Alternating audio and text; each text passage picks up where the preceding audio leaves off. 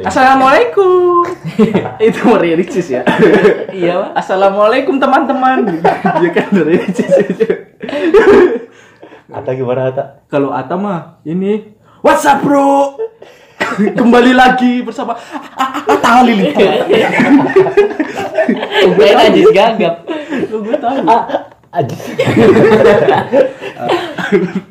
Halo, halo. Kembali lagi bersama kita di Teman Insom. Kali ini kita kedatangan personil baru. Anggota lawas kos-kosan yang jarang balik kosan. Karena tagihan wifi. aduh aduh aduh aduh. Ah, langsung Udah saja. setengah. Oh iya, baru Iya, udah bayar setengah. Udah bayar setengah. Silakan langsung aja 50.000. memperkenalkan diri. ayo, ayo. Eh, ya, nama saya Ibrahim Nur P. Mr. P. Nah, bisa dipanggil Boim, eh, Baim, Aim, Iim. Boy ini asli mana nih? Eh, asli sini. Asli sini tuh sini mana? Pemalang dong. Oh, Pemalang. Iya. Sini Purwokerto.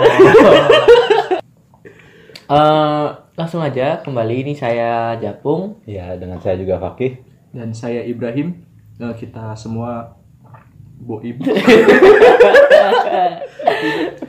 Jadi Ya, kebetulan ini yang ada buat rekaman malam ini baru bertiga doang. oh iya bener Hmm. yang yang lain pada mudik Iya. karena pengen puasa pertama di rumah. Iya, Ya, iya. katanya. Cupu.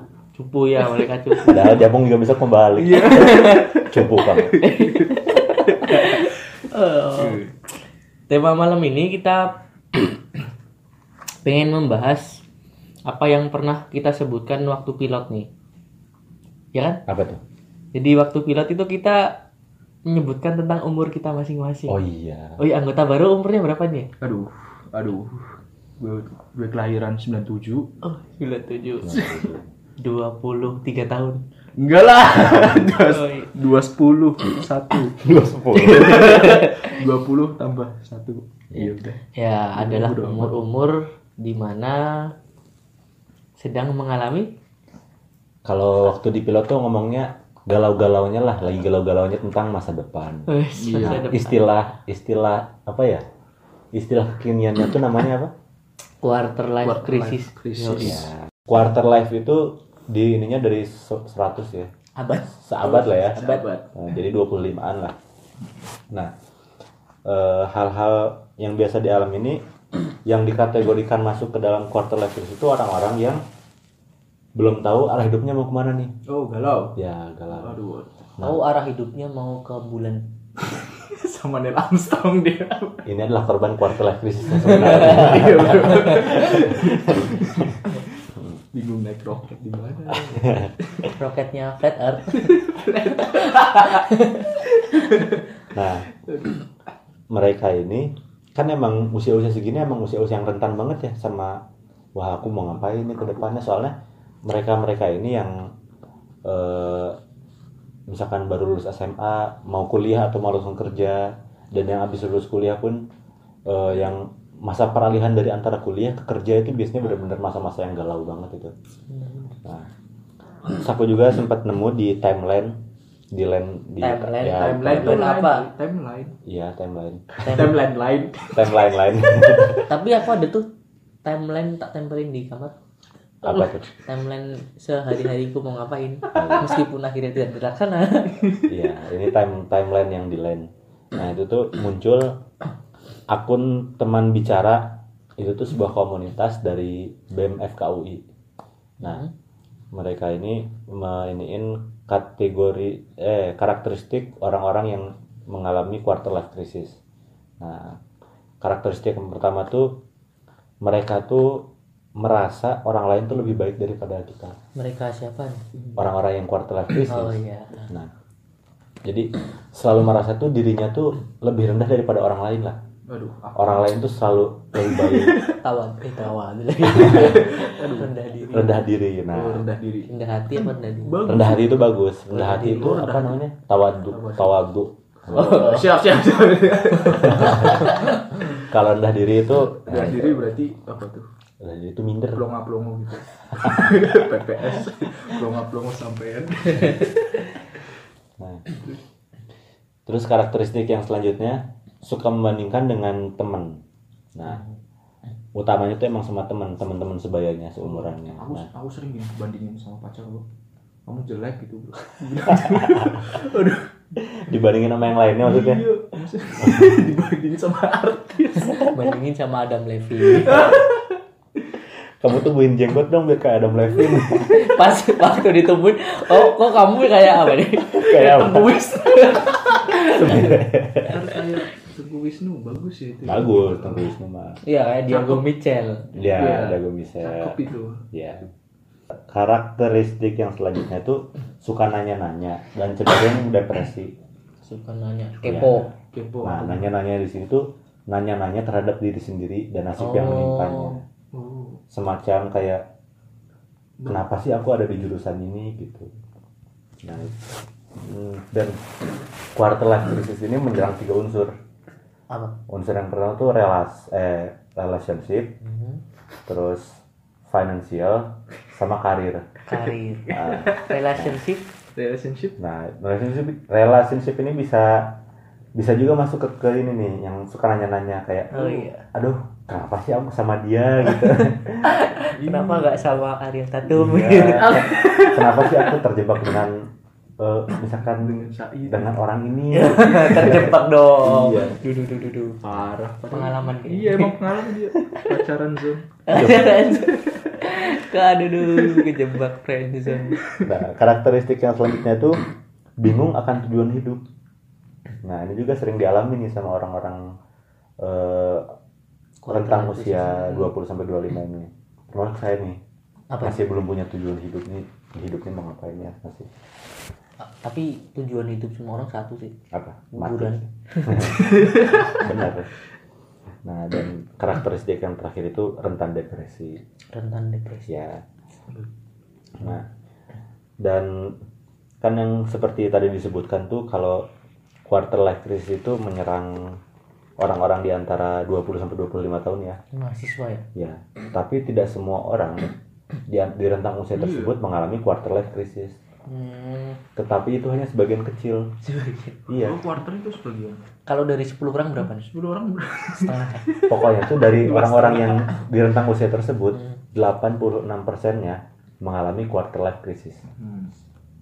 kasihan ya dan itu bisa jadi kita Oh iya. ya Eh, udah sampai. berarti kalau 86 dari tiga orang berapa sih? Satu, satu wah semuanya berarti ya. iya Iya semuanya. Berarti kita semuanya. iya Mm-mm. Eh, tadi apa aja sih? Finansial juga. financial karir sama relationship tapi dia udah udah punya gambaran bro Enggak. dia kan mau ke bulan kan Tapi kan bukan cuma itu. Salah satunya yang sedang kita alami sebenarnya finansial nggak sih? Iya. Kita ini kan sekarang sedang sibuk-sibuknya merintis usaha ya. Iya. Jadi masih bingung-bingung merasa kok uang kiriman nggak cukup Nggak banyak buat Iya. jajan-jajan. terus ada skripsi juga ya Yo, iya. duit banyak gitu ya snapgram orang lain aduh dia beli sepatu kok kita nggak bisa beli sepatu Iya, dasar miskin aku nah ini medsos juga ini bisa jadi toxic nih buat kita Ya tergantung gimana tapi kita. buat pecutan bisa tau ya kamu harus usaha usaha usaha apa TP Tapi kan ngomong usaha kita pernah usaha tau. oh iya Usaha apa kan ya? kita usaha apa ya kita udah nyoba beberapa usaha sih kayak yang kalian tuh kalian berdua nih kalian kan pernah Iya, roti bakar roti bakar. Iya, roti bakar ya terus kamu juga pernah kan cilok gitu belum itu Eh ke belum. jalan. Ke jalan, Iya. Masih merat merat meracik. Yang kalian berdua ceritain dulu dong roti bakar gimana tuh? Roti bakar tuh gimana sih? Aw- awalnya itu gimana sih? awal mula tuh aku bawa roti terus selai terus ada idenya tuh dari siapa dari kamu dari Boim enggak dari dua ini hah oh, berdua bareng Oh, bareng-bareng yang nyetusin tuh siapa kayak misalkan ah kita oh harus kita pengen jual roti bakar tuh siapa tuh Oh, pertama tuh gini nih. Jadi kita kan merasa duitnya tuh boros banget buat makan ya. Hmm. Eh, jualan roti bakar aja yuk biar bisa sarapan roti tapi gratis gitu. nah itu siapa yang nyetus dia Nah, iya kamu Iya, Japon ini gitu tuh. Sampai akhirnya kan jalan satu hari doang. Satu hari doang. Padahal- satu hari doang. padahal udah beli dok tok bungkusnya tuh box. Tapi itu laris. Ya laris. Tuh Kita jualan tuh langsung pada eh, omset omset gimana omset? omsetnya lumayan itu. gede bro Eh, cuman tuh se- sebenarnya kita kurang pandai memanage uang-uang kecil. Jadi kan pada bayar pakai di Oh, recehan. ya gitu kan. Jadi kecampur sama ah mikirnya tuh ini uang mana sih? Gitu. Akhirnya kan ya hilang deh ke mana itu. Kalau dari dihitung sama modalnya untungnya? Kayaknya 50% apa Iya, 100% ya. wah banyak gede itu gede-gede Bisa balik modal.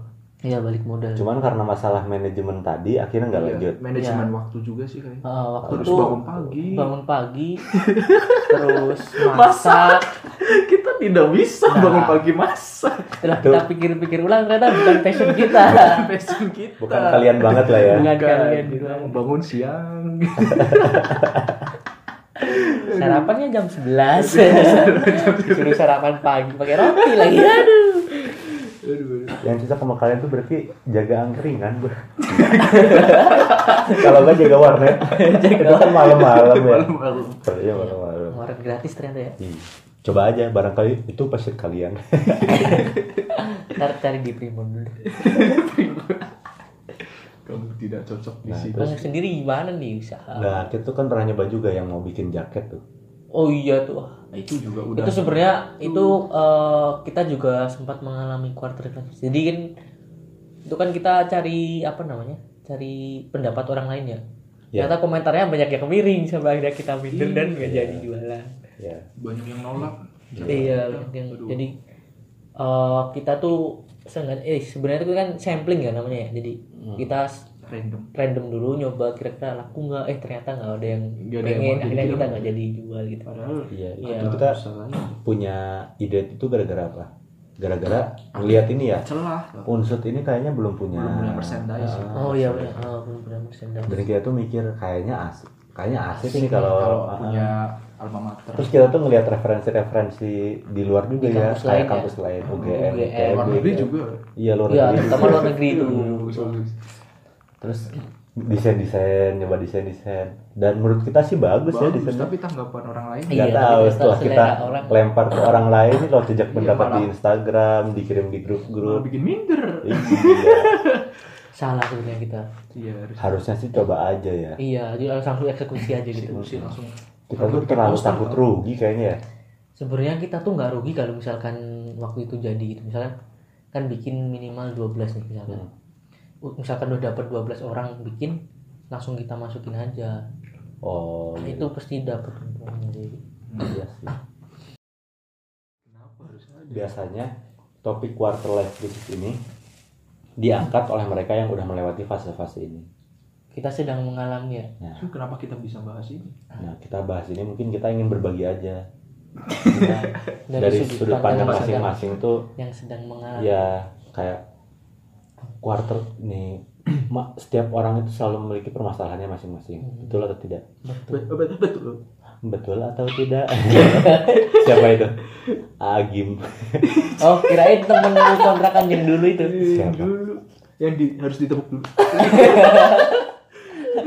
Baru ngomong. Agim betul tidak gitu bisa kan gitu nah setiap manusia itu punya permasalahan permasalahannya masing-masing termasuk kita dan eh, quarter life crisis ini bukan hal yang gampang untuk dibicarakan oleh mereka yang sedang mengalaminya.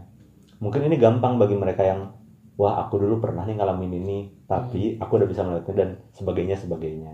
Tetapi bagi mereka yang sedang mengalaminya nih sebenarnya sangat sulit untuk mengungkapkan apa yang itu apa yang- opininya. ya.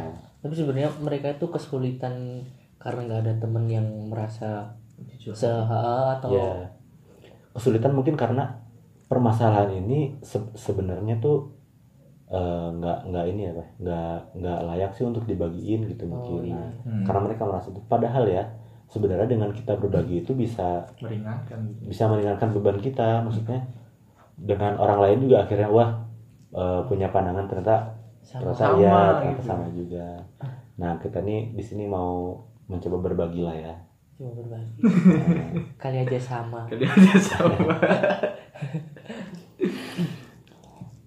dari aku nih apa dari sisi apa, Apa nih kamu? finansial nggak Enggak, kalau aku nih relationship. Relationship. nggak Enggak, kamu relationship. ya mungkin nanti mengalir aja berjalan ya barangkali ntar nyambung ke sana juga Emang gitu dia mau apa nah aku tuh ngerasa ya Hmm. Hmm. kuliah itu Hmm. sebagai faktor penghambat dari aktualisasi diri seorang fakih Aktualisasi diri gimana? aku tuh ngerasa ya kuliah tuh sebenarnya eh, bukan dari keinginan pribadi Hmm. aku tuh dari awal SMA tuh udah kalian dapet ini gak sih apa ya kayak arahan-arahan nanti kuliah tuh kayak gimana. Dari gitu ya. ya dari guru-guru atau dari orang tua gitu. Jadi, Iya dapat. aku juga dapet sih sebenarnya cuman fakih SMA itu bener-bener nggak kebayang kuliah itu seperti apa. Jadi yang aku pikirin tuh kuliah itu ya main-main maksudnya nggak. bebas gitu ya. Dan aku tuh otak otakku tuh terprogram dari zaman sekolah itu sebagai orang yang eh, ikutin arus Hmm. nah mengikutin arus jadi kalau misalkan ya kayak sekolah lah Iya. sekolah mah mau kita belajar mati-matian mau kita belajar santai-santaian kita selalu naik kelas Naik ya kan lulus. kita Iya. selalu lulus bareng sama teman-teman dan teman-teman kita tuh mengajak mengajak kita gitu maksudnya Iya, ayo. guru-gurunya juga nyuapin ya kan Iya. pakai kamu kok nggak ngerti-ngerti sini ibu ajarin gitu kan ya nah beda dengan kuliah kuliah itu bener-bener mandiri banget mandiri. Nah, di sini mengapa maksudnya mengapa kuliah itu jadi penghambat aktualisasi diri seorang fakih? Aku tuh ngerasa dari awal dari awal SMA nih ya, Nah, udah kepikiran mau jadi pengusaha. iya. Tapi emang eh, sebagian besar orang yang SMA itu mesti Ya. impiannya pengen jadi pengusaha nggak sih? Iya. Emang gitu? Eh, kalau dari apa itu yang pernah tak baca jadi eh, impian-impian orang SD SMP SMA itu pasti selalu berubah gitu misalkan dia SD pengen jadi dokter polisi dan sebagainya SMP itu mesti bukan itu lagi Hmm. biasanya lebih meningkat gitu sampai akhirnya di SMA mesti sebagian besarnya tuh pengen jadi pengusaha usaha. kalau enggak yang penting lulus gitu. Iya, iya. Nah, dan aku tuh dari SMA tuh udah kepikiran untuk bisnis, bisnis, bisnis. Nah, eh, aku tuh kuliah ya emang karena orang tua sih. Hmm. Ya, bapakku kan juga dosen ya, dan ya akan jadi sesuatu yang aneh lah. Kalau bapaknya dosen, anaknya S1 aja enggak. gitu. Nah, dan apa ya? Ini juga status bapakku itu bisa jadi apa ya? Salah satu yang yang apa ya? Yang jadi beban juga buat aku. Hmm. karena dengan melihat prestasi beliau yang wah Iya. itu sering jadi omongan akhirnya ketika eh, Nah, ini dibanding-bandingkan. nah dibanding-bandingkan. Ketika pulang ke Madiun ke keluarga besar gitu. Gimana kuliahnya? Gimana? ah masa bapaknya sampai kue harus bisa juga le Masa bapaknya kue harus S3? bisa iya, jangan mau kalah sama bapakmu Kamu harus S4, Le. nah itu terus eh, kenapa balik lagi kenapa kuliah itu disebut sebagai penghambat aktualisasi diri seorang fakih karena dari referensi-referensi pebisnis yang aku baca Hmm. Mereka tuh selalu memulai bisnisnya tuh dari nol kan ya pasti ya Iya, ada benar. dan mereka tuh nggak pernah sekali berbisnis langsung berhasil pasti selalu gagal kan Hmm. jadi mau mulai bisnis kapan pun pasti ada selalu ada kegagalan-kegagalan gitu kan. Nah kalau misalkan nih aku kuliah lulus misalkan lima tahunan lah Iya. dan aku Ya dan aku eh, belum tentu bekerja bekerja juga nanti sesuai dengan bidang Bidangnya. yang aku tekuni. Hmm. terus aku misalkan melanjutkan mimpiku sebagai pengusaha. Aku yang berbisnis. Aku baru mulai bisnis di usia berapa? 23 tahunan ya kan? Iya. kalau misalkan aku dari SMA udah memulai mungkin dari 17-18 tahun itu aku udah jatuh gagal coba lagi gagal lagi coba lagi dan bisa jadi di usia 23 nanti udah menjadi puncak karir aku ya kan? Iya. sedangkan ketika aku kuliah 23 tahun tuh aku baru lulus dan bener-bener bingung pelangga-pelongo mau ngapain. Mau mulai usaha nanti gagal lagi gagal lagi dan bisa jadi eh, ya mundur ya? Dia mundur. Puncak karirnya akhirnya mundur. Nah itu cuman eh, apa ya? Kalau menurut aku Hmm. nah nggak tahu kan kalau misalkan menurut takdir ya Iya, menurut terus. aturan yang di atas kan mungkin beda lagi dan mungkin aku ngerasa kayak tadi eh, yang aku bilang bahwa otak aku ini udah ter ter apa ya Terprogram. terbentuk terprogram untuk mengikuti arus nah dengan berkuliah seperti ini kan akhirnya mendidik aku kan Heeh. bahwa sebenarnya it's depend on yourself ini tergantung dari diri kamu sendiri jadi dengan akhirnya berkuliah tidak bergantung dengan orang lain lagi. Lebih mandiri secara pemikiran lebih mandiri secara ideologi. Dan akhirnya mungkin ya ya aku bersyukur juga. Iya, pasti tetap ada hikmahnya ya. Selalu ada hikmahnya ada hikmah. Ya sampai sekarang sih mungkin eh, masih mengalami masa-masa itu. Karena emang belum tahu juga nanti eh, setelah lulus kayak gimana. Tapi ya mari nikmati masa-masa ini Jalan dulu ya. jalan dulu Kalau dari aku sih tentang usaha ya. Hmm. Sempet juga dulu SMA tuh kepikiran buat punya brand sendiri gitu. Jadi punya apa ya? eh clothingan atau ya bikin-bikin konveksi gitulah. Iya. Karena zaman SMA aku dulu tuh banyak banget kayak gitu. Hmm. Apalagi waktu tahu kalau keterima di Purwokerto di Unsud kan. Oh iya. di Jogja apa namanya banyak saingan nih kayaknya susah banget kalau pengen punya kayak gitu Iya.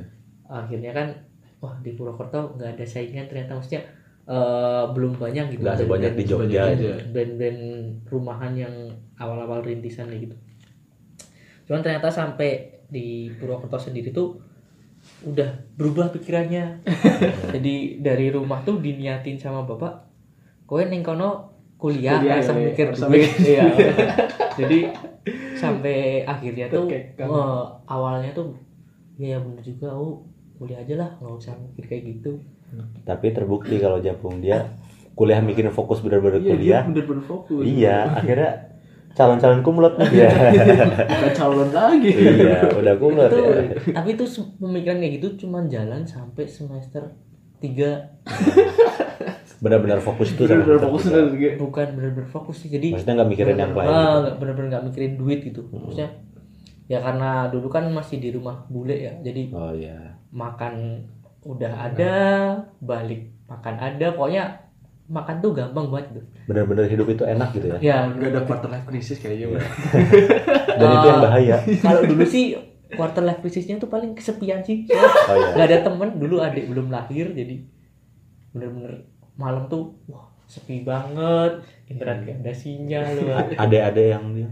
Adik-adik Yang kecil maksudnya adik bayi. Oh yang di Purbalingga itu? Iya kan baru lahir. Kan. Hmm. terus nah akhirnya kan eh, kelas eh, semester 3 tuh mulai ngekos ya? Iya. Mulai kerasa banget kalau ternyata eh, duit tuh cepet banget habisnya. Nah ini mungkin akhirnya mulai udah ada temen nih iya mulai Nah. punya punya teman jadi tapi tapi duitnya iya tapi duitnya kalau kalau kemarin makan yang terjamin tapi gak ada temen sekarang ada temen tapi makannya gak terjamin iya pasti ada sesuatu yang dikorbankan Padahal tiga hari itu mah. Temennya mana nih yang masak? oh iya.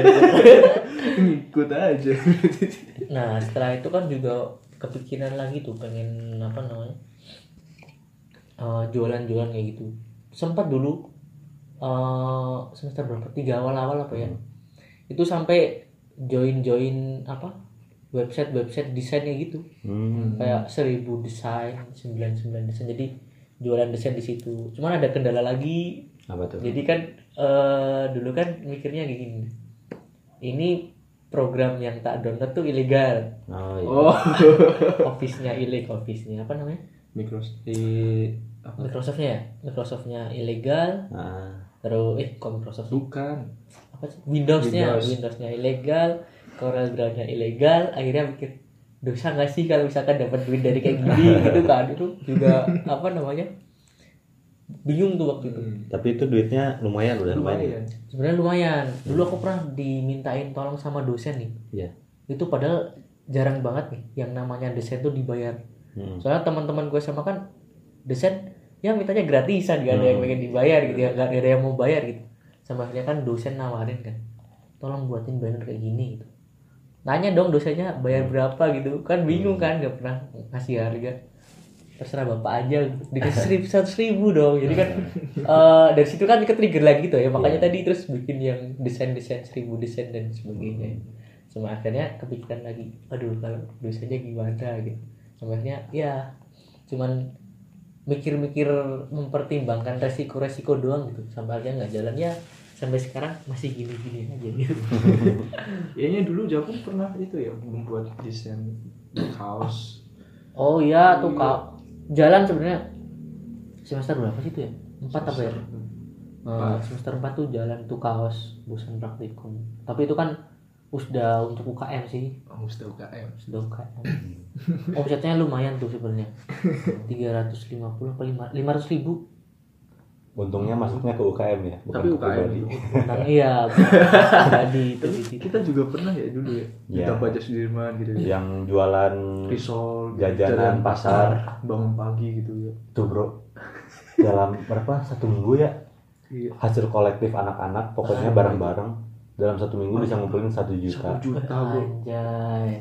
kita juga nggak nyangka bisa ngumpulin segitu banyak uangnya Berarti eh, kalau misalkan ada meme yang nyebutin kalau eh, apa namanya anak acara pengen ngundang band-band ini ini. Iya, iya, itu. Terus aja gorengan. Enggak.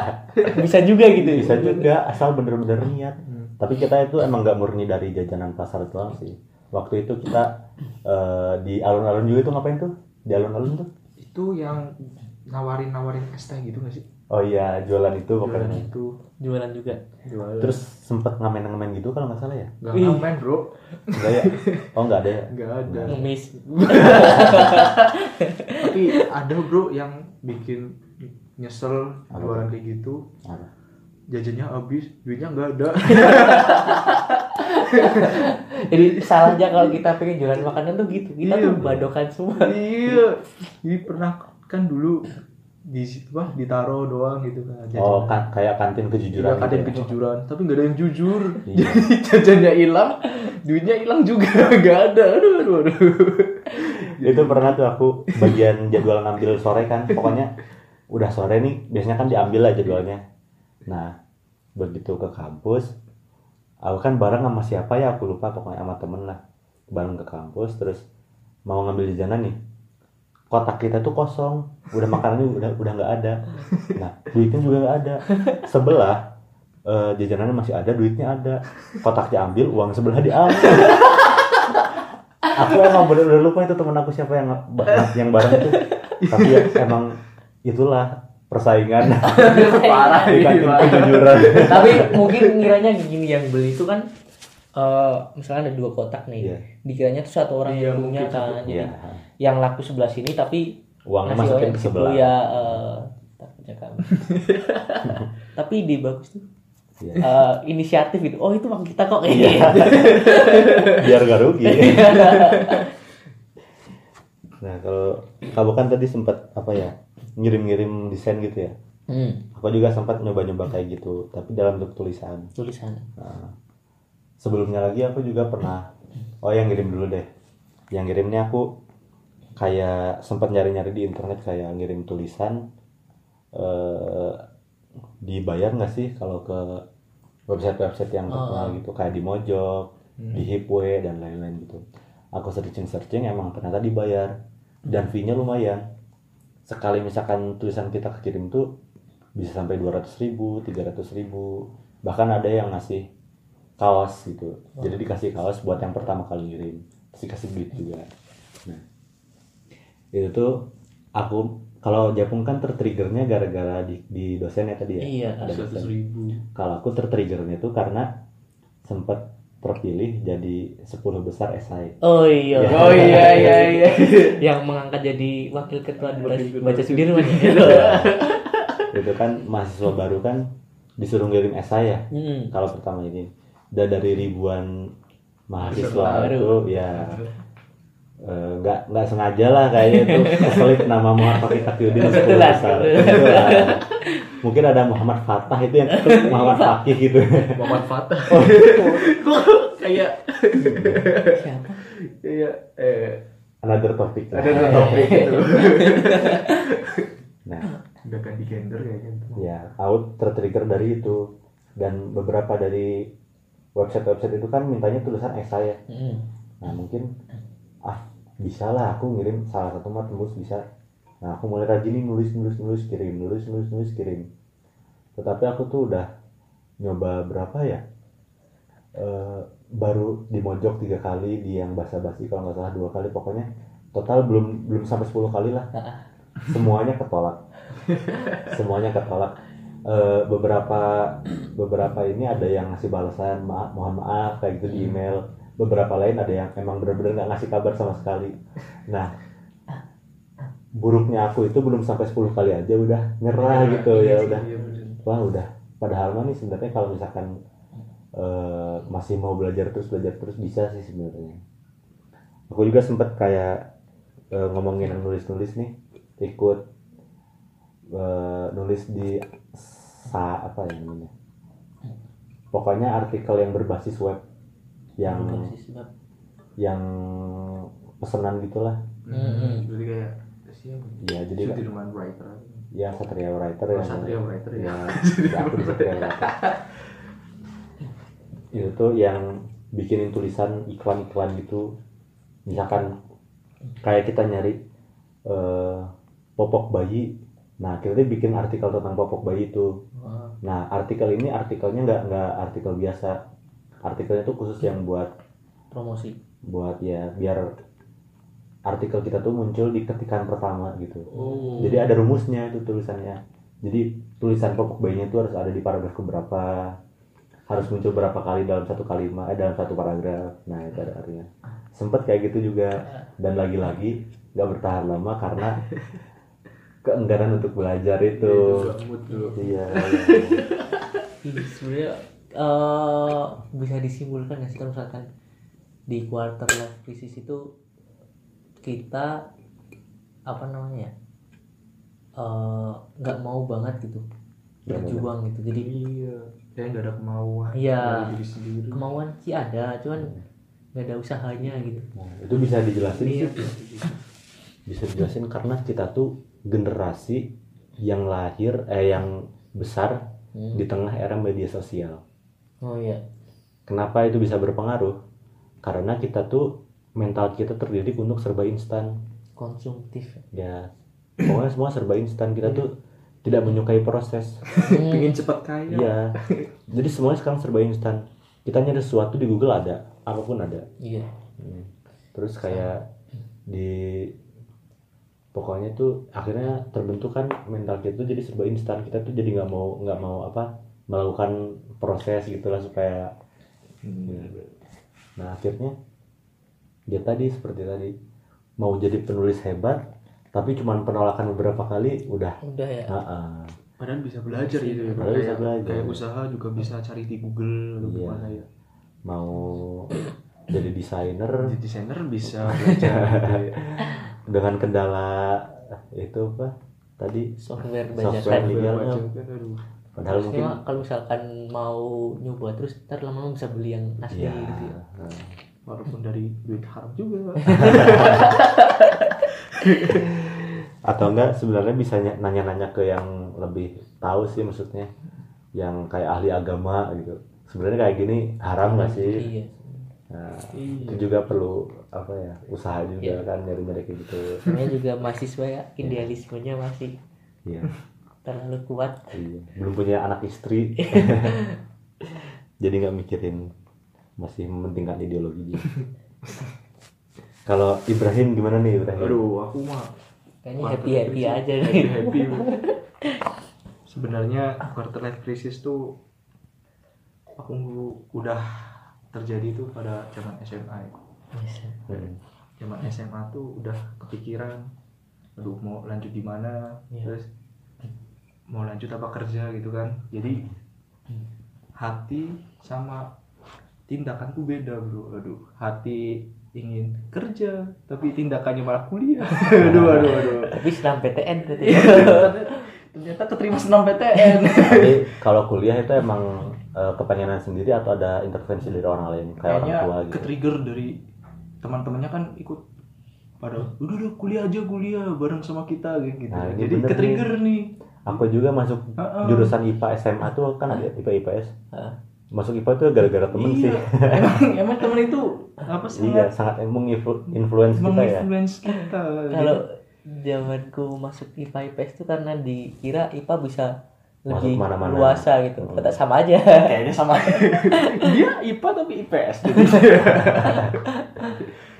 Terus gimana nih lanjut? jadi nah pas saat itu kan keluarga udah bilang nih udah kerja aja gitu kan Hmm. soalnya bapak kan di kayak instansi negara jadi Hmm. gampang gitu kan maksudnya Orang bukan dalam. bukan orang dalam iya bukan orang dalam juga tapi kan dia mau ngusahain biar anaknya tuh masuk gitu oh, iya. jadi dengan ini uang Nah, Cuma tapi pas udah hari H ternyata kan keterima tuh SNMPTN aduh kan jadi bingung lagi kan. Aduh masa ditolak? Terus kon, apa konsultasi kan sama guru-guru bimbingan dulu bu gimana ini? Kan apa bapak saya tuh pengennya tuh kerja gitu kan. Hmm. tapi saya ya udahlah kamu apa SNMPTN ntar dilanjut kerja aja kan bisa gitu. Tapi kan ki- SNMPTN juga nggak punya biologi gitu kan. Jadi di situ bingung. Nah akhirnya ya udahlah setelah eh, jauh-jauh hari dipikirin gitu kan. Eh, setelah apa konsultasi sama orang tua ya udah jadi titik terangnya itu kuliah jadi tapi bapak tuh kecewa banget sama saya gitu loh. Hmm. jadi kayak udahlah kuliah apa ngapain kalau bisa kerja langsung ya kan? Ngem- Oh, apa iya, bener-bener sih. duitnya ntar disisia-siain ntar kamu juga lulusnya kapan gitu kan nggak tahu. Iya. terus apa uangnya kan dipikir tuh biologi Iya. berapa UKT? 6 Oh, iya. tahun. Eh 6 tahun. 6 juta. Berdoa Satu semester ya? Iya. Berdoa. Satu semester satu semester 6, 6 juta. Belum belum kosnya kan belum kosnya terus konsumsi konsumsi setiap hari gitu iya sebulan tuh bisa Iya, dua, setahun tuh 12 juta lebih, 20 berapa tuh? 15 juta lah. Iya, sekitar. 15. Lebih kali. Lebih kayaknya. Makanya tuh banyak 20 banget. 20 juta kayaknya. Makan sebulan aja Nah, lebih. itu. Satu tahun 20 juta. Oh, empat tahun bisa buat beli Avanza gitu kan. tapi emang orang tua tuh emang selalu mengharapkan yang terbaik buat anaknya sih iya, ya. jadi kayak kemauan anaknya pengennya itu ya udahlah anak orang tua mah nggak bisa Nah, memaksakan. tapi itu yang bagus. Walaupun orang tua misalkan udah tahu nah kamu mes- mesti kayak gini kayak gini kayak gini. Tapi kalau misalkan si anak punya keinginan tersendiri dan akhirnya orang tua menghargai itu bagus sih. Tapi itu tidak terjadi pada saya. kenapa tuh? Ya kalau kuliah sih emang dari dulu pengen kuliah gitu kan. Iya. Ya kultur di rumahan, kultur di Jogja kan gimana ya emang pendidikan tuh dipandang penting gitu ya kota pendidikan lah ya Iya. Oh, iya, bener. Tapi pengennya jurusan kesenian dulu tuh. Cuman seni mungkin, banget nih anaknya nih. Iya. cuman mungkin karena dulu bapak tuh sadar kalau di SMA mungkin kayak berandalan gitu ya. Oh, iya. Dikejar. takut makin menjadi di akhirnya nggak di ya udah. Sampai akhirnya ke sini deh. Dan ke sini pun sebenarnya eh, kebetulan juga tuh dibuka. Kalau misalkan apa eh, waktu itu om lagi pulang kan ke rumah. Iya. Bilang unci tuh deket sama rumahku gitu. Hmm. ya wes kan makan yang sesuai apa apa lah gitu ya kita akhirnya berangkat. Dulu tuh ada teman kelas tuh ada empat orang apa ya Hmm. daftar unci oh daftar unci unci gitu kan. Iya. Akhirnya dari empat orang yang daftar unci aku doang. Tapi kan dulu ada temen nih gak apa-apa. Jalur apa jalur apa? SBM oh SB sampai akhirnya eh, waktu daftar tuh kan tesnya sih masih bareng sama teman-teman tuh kan. Hmm. cuman kok tadi tanyain daftar ganti. UGM UPN UGM UPN aduh saya unsur akhirnya ya ya udah. Makanya itu semester 1 2 tuh bener-bener merasa ya hidupnya tuh kayak nggak di SMA gitu. Jadi kehilangan apa yang di SMA tuh tiap hari dapatkan di kuliahan tuh bener-bener nggak ada. Bener-bener beda banget ya. Iya. dan emang cuman beberapa orang yang bisa survive aja sih yang bisa lanjut. Mm-mm. karena emang banyak juga sih mereka yang di SMA-nya eh, punya kehidupan tertentu dan begitu masuk kuliah semua kehidupan SMA-nya Iya. hilang. Berubah. Iya berubah langsung berubah dan akhirnya mereka nggak nggak kuat akhirnya nggak mereka nggak mau lanjut, lanjut ya. iya. Beberapa temanku ada sih kayak gitu. Kalau dulu aku sih masalahnya karena kultur shock juga sih ya. Jadi oh iya. di timur kan di rumah. Hmm. Bahasa Jawa tuh kental banget tuh. Oh iya iya. Ya tiap hari ngomong bahasa Jawa aku kue ngopo kue ngopo. Iya. Sampai sini kue lo gue lo gue. Jadi ketemu sama orang yang sama-sama dari daerah timur pun oh iya. ngomongnya kayak gitu gitu. Ini aku di mana sih? Jadi bener-bener ngerasa kayak hilang gitu. Jadi Hmm.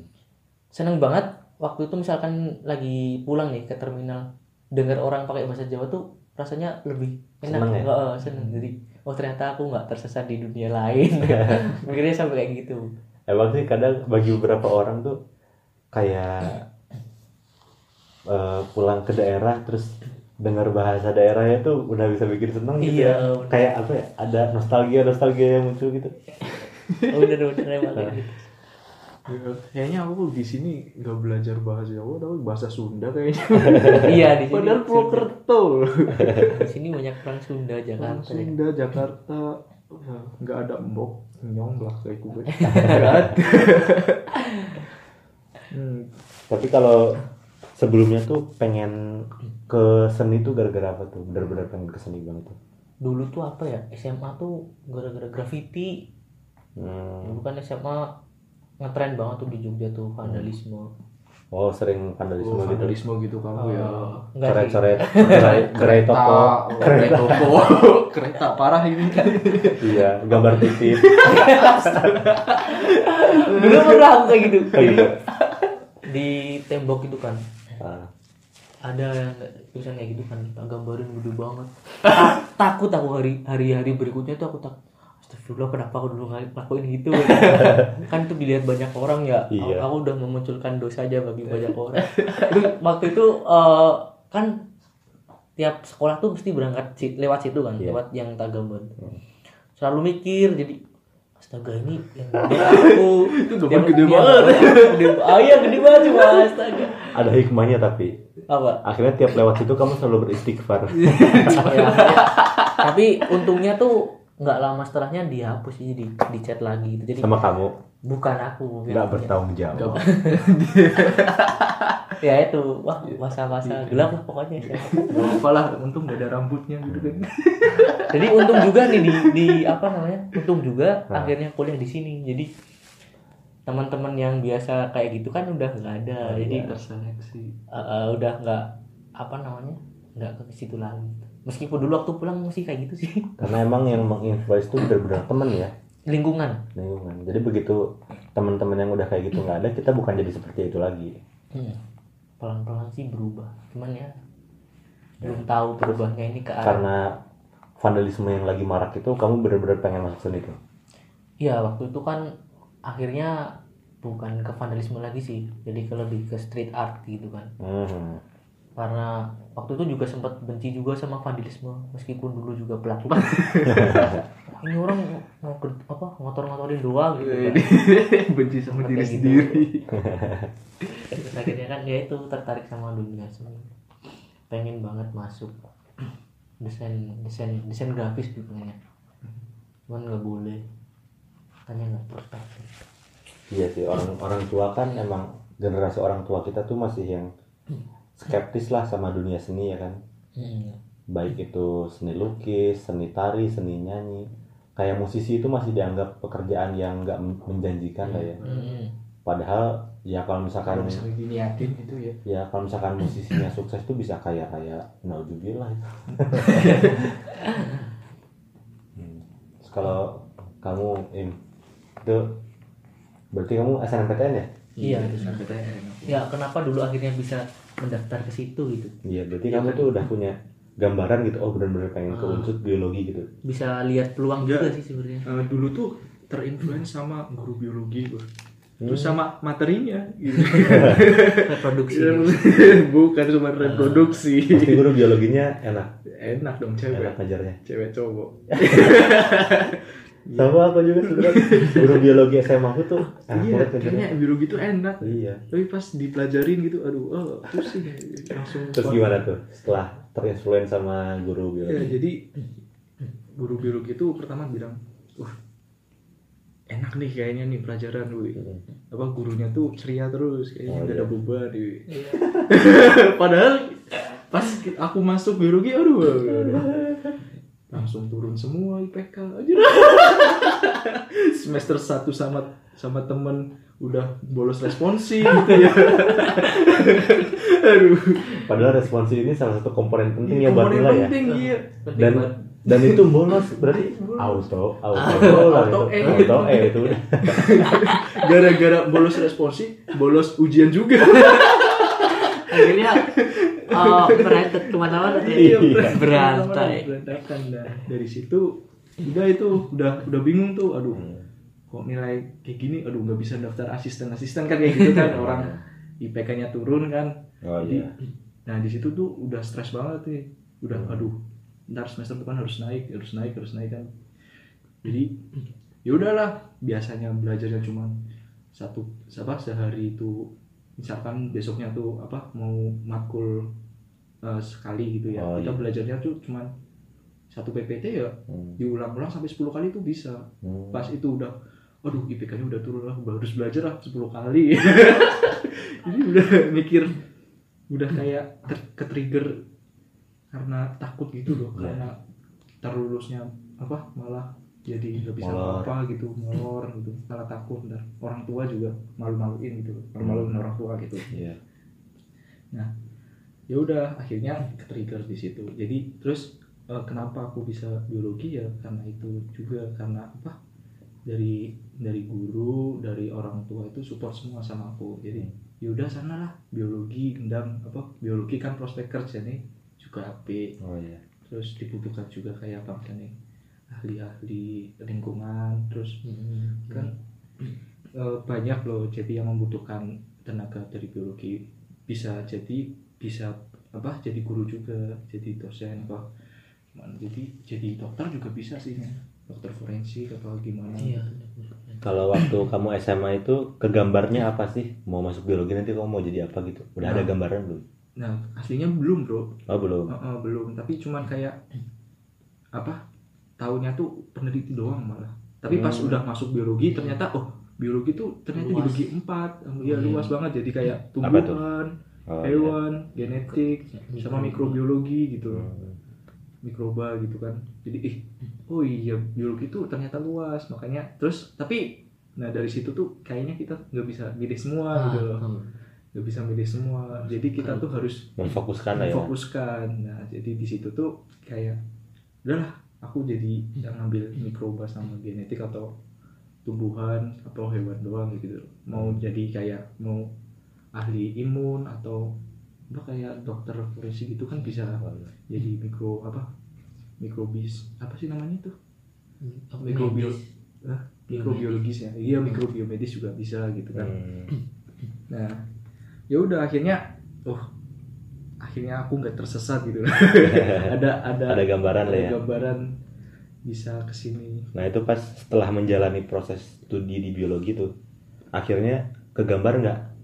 Misalkan, iya wah udah ngejalanin biologi nih selama beberapa tahun, yaudah aku menentuin di sini gitu. nah iya itu Oh udah ada. udah udah ada Hmm. makanya nah dari dari itu tuh dari yang IPK turun tuh Hmm. pas bolos responsi itu udah kegambar aduh ini aku udah apa mau ngambil apa gitu kan pertama kan bingung terus oh iya, oh iya aku sangat suka mikrobiologi prospek Berarti- kerjanya juga bagus gitu loh lingkungan gitu kan jadi dari awalnya kita apa akunya stres akibat eh, studi-studi yang gak jelas itu akhirnya ya udah aku tentuin ini aja lah yang buat prospek kerja bagus terus karena aku hobi juga gitu Ya berarti nggak nggak nggak ini banget lah ya, nggak krisis krisis banget lah ya, krisis nggak terlalu krisis pokoknya udah punya inilah ya. Stella Iya. timeline dong step-step mana yang mau diambil gitu udah digambar. iya krisis lah bro lah. Stella itu. Kalau dari Fanny sendiri Nah gimana kalau aku nih masih sampai sekarang nih masih apa ya masih bingung sebenarnya di sosiologi tuh mau ngambil kerja apa. Oh bingung. Ya karena emang yang seperti aku ini tadi kuliah itu bukan jadi apa ya prioritas aku ketika aku lulus SMA nah, ya itu akhirnya sampai sekarang juga ketika aku nanya ke kating-kating sosiologi itu mau ke mana sih nanti ujung-ujungnya? Mereka juga pada bingung.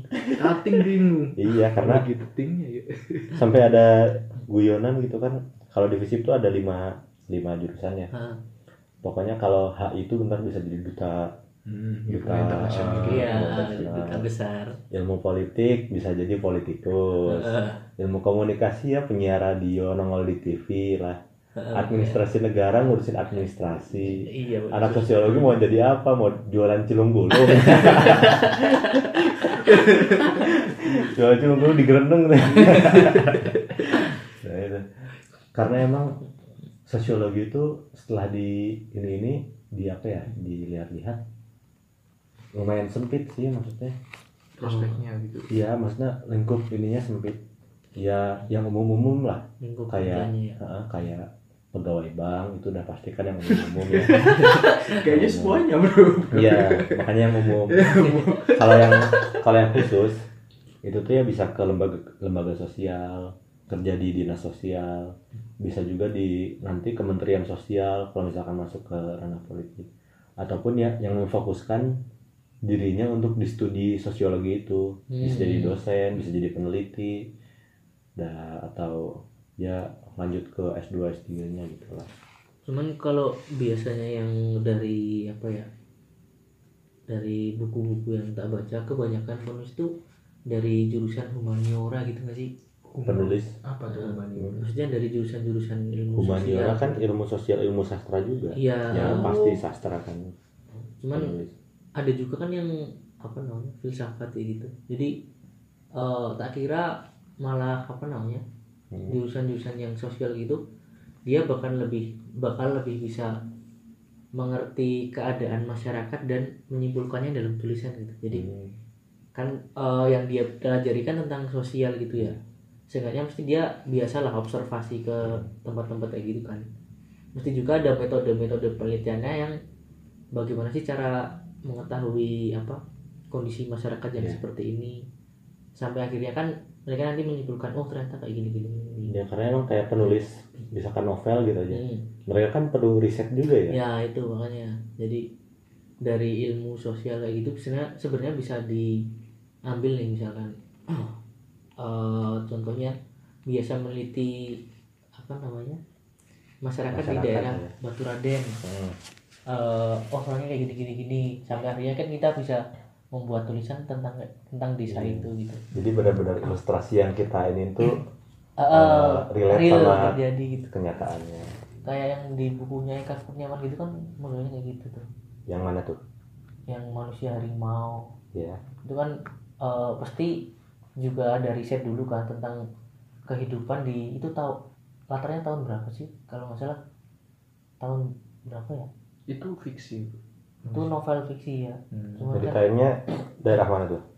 kurang tahu pokoknya tentang daerah pesisir ya gitulah Oh, pokoknya orang-orang pesisir pesisir tuh digambarkan seperti apa Iya. mereka tahu berarti banget harus harusnya. riset dulu orang Iya, pesisir harus riset dulu. Oh, orang pesisir kayak gini Hmm, terus suasananya gitu. iya itu jadi eh pen- hebatnya seorang penulis pujangga itu dia bisa banget mem- membawa pembacanya itu hadir ke dalam suasananya itu gitu. Iya, benar sih. waktu kita baca tuh Ngerasa ada di sana. Eh, jadi waktu kita Terimajinasi. bermain ke tempat yang kayak gitu kok kayaknya pernah ngalamin sih oh, ternyata Oh, iya. cuma baca Hmm. iya Nah, kalau dari yang aku pelajarin selama di sosiologi beberapa tahun ini, Hmm. yang berhasil ditumbuhkan tuh ya emang kesadaran aku terhadap lingkungan sosial sih. iya Kayak setelah aku belajar di, di sosiologi juga akhirnya aku ngeliat ke lingkungan desa aku.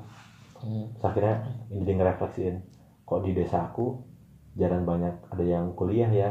oh, Maksudnya yang kuliah dikit mungkin eh, minat pendidikan mereka rendah. Nah itu kenapa tuh? Akhirnya aku pikirin lagi mungkin literasinya yang kurang.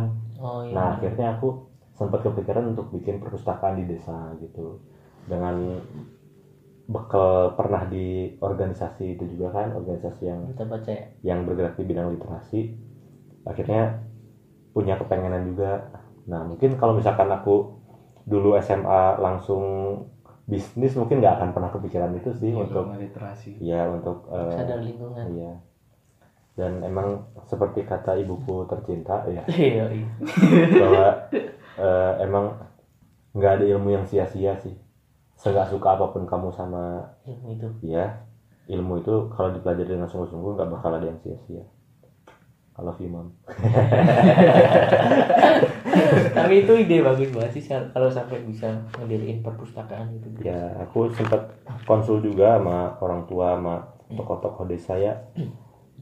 Tokoh-tokoh desa yang mendukung tapi orang tua yang kayak dipikirin juga duitnya itu. Duitnya dari mana ngasilin duit apa enggak. Ya mau nggak mau kan Ya, walaupun gitu. iya mau nggak mau kan juga emang hidup itu perlu duit. Kok bojomu dikei pangan opo. Maksud dipangani buku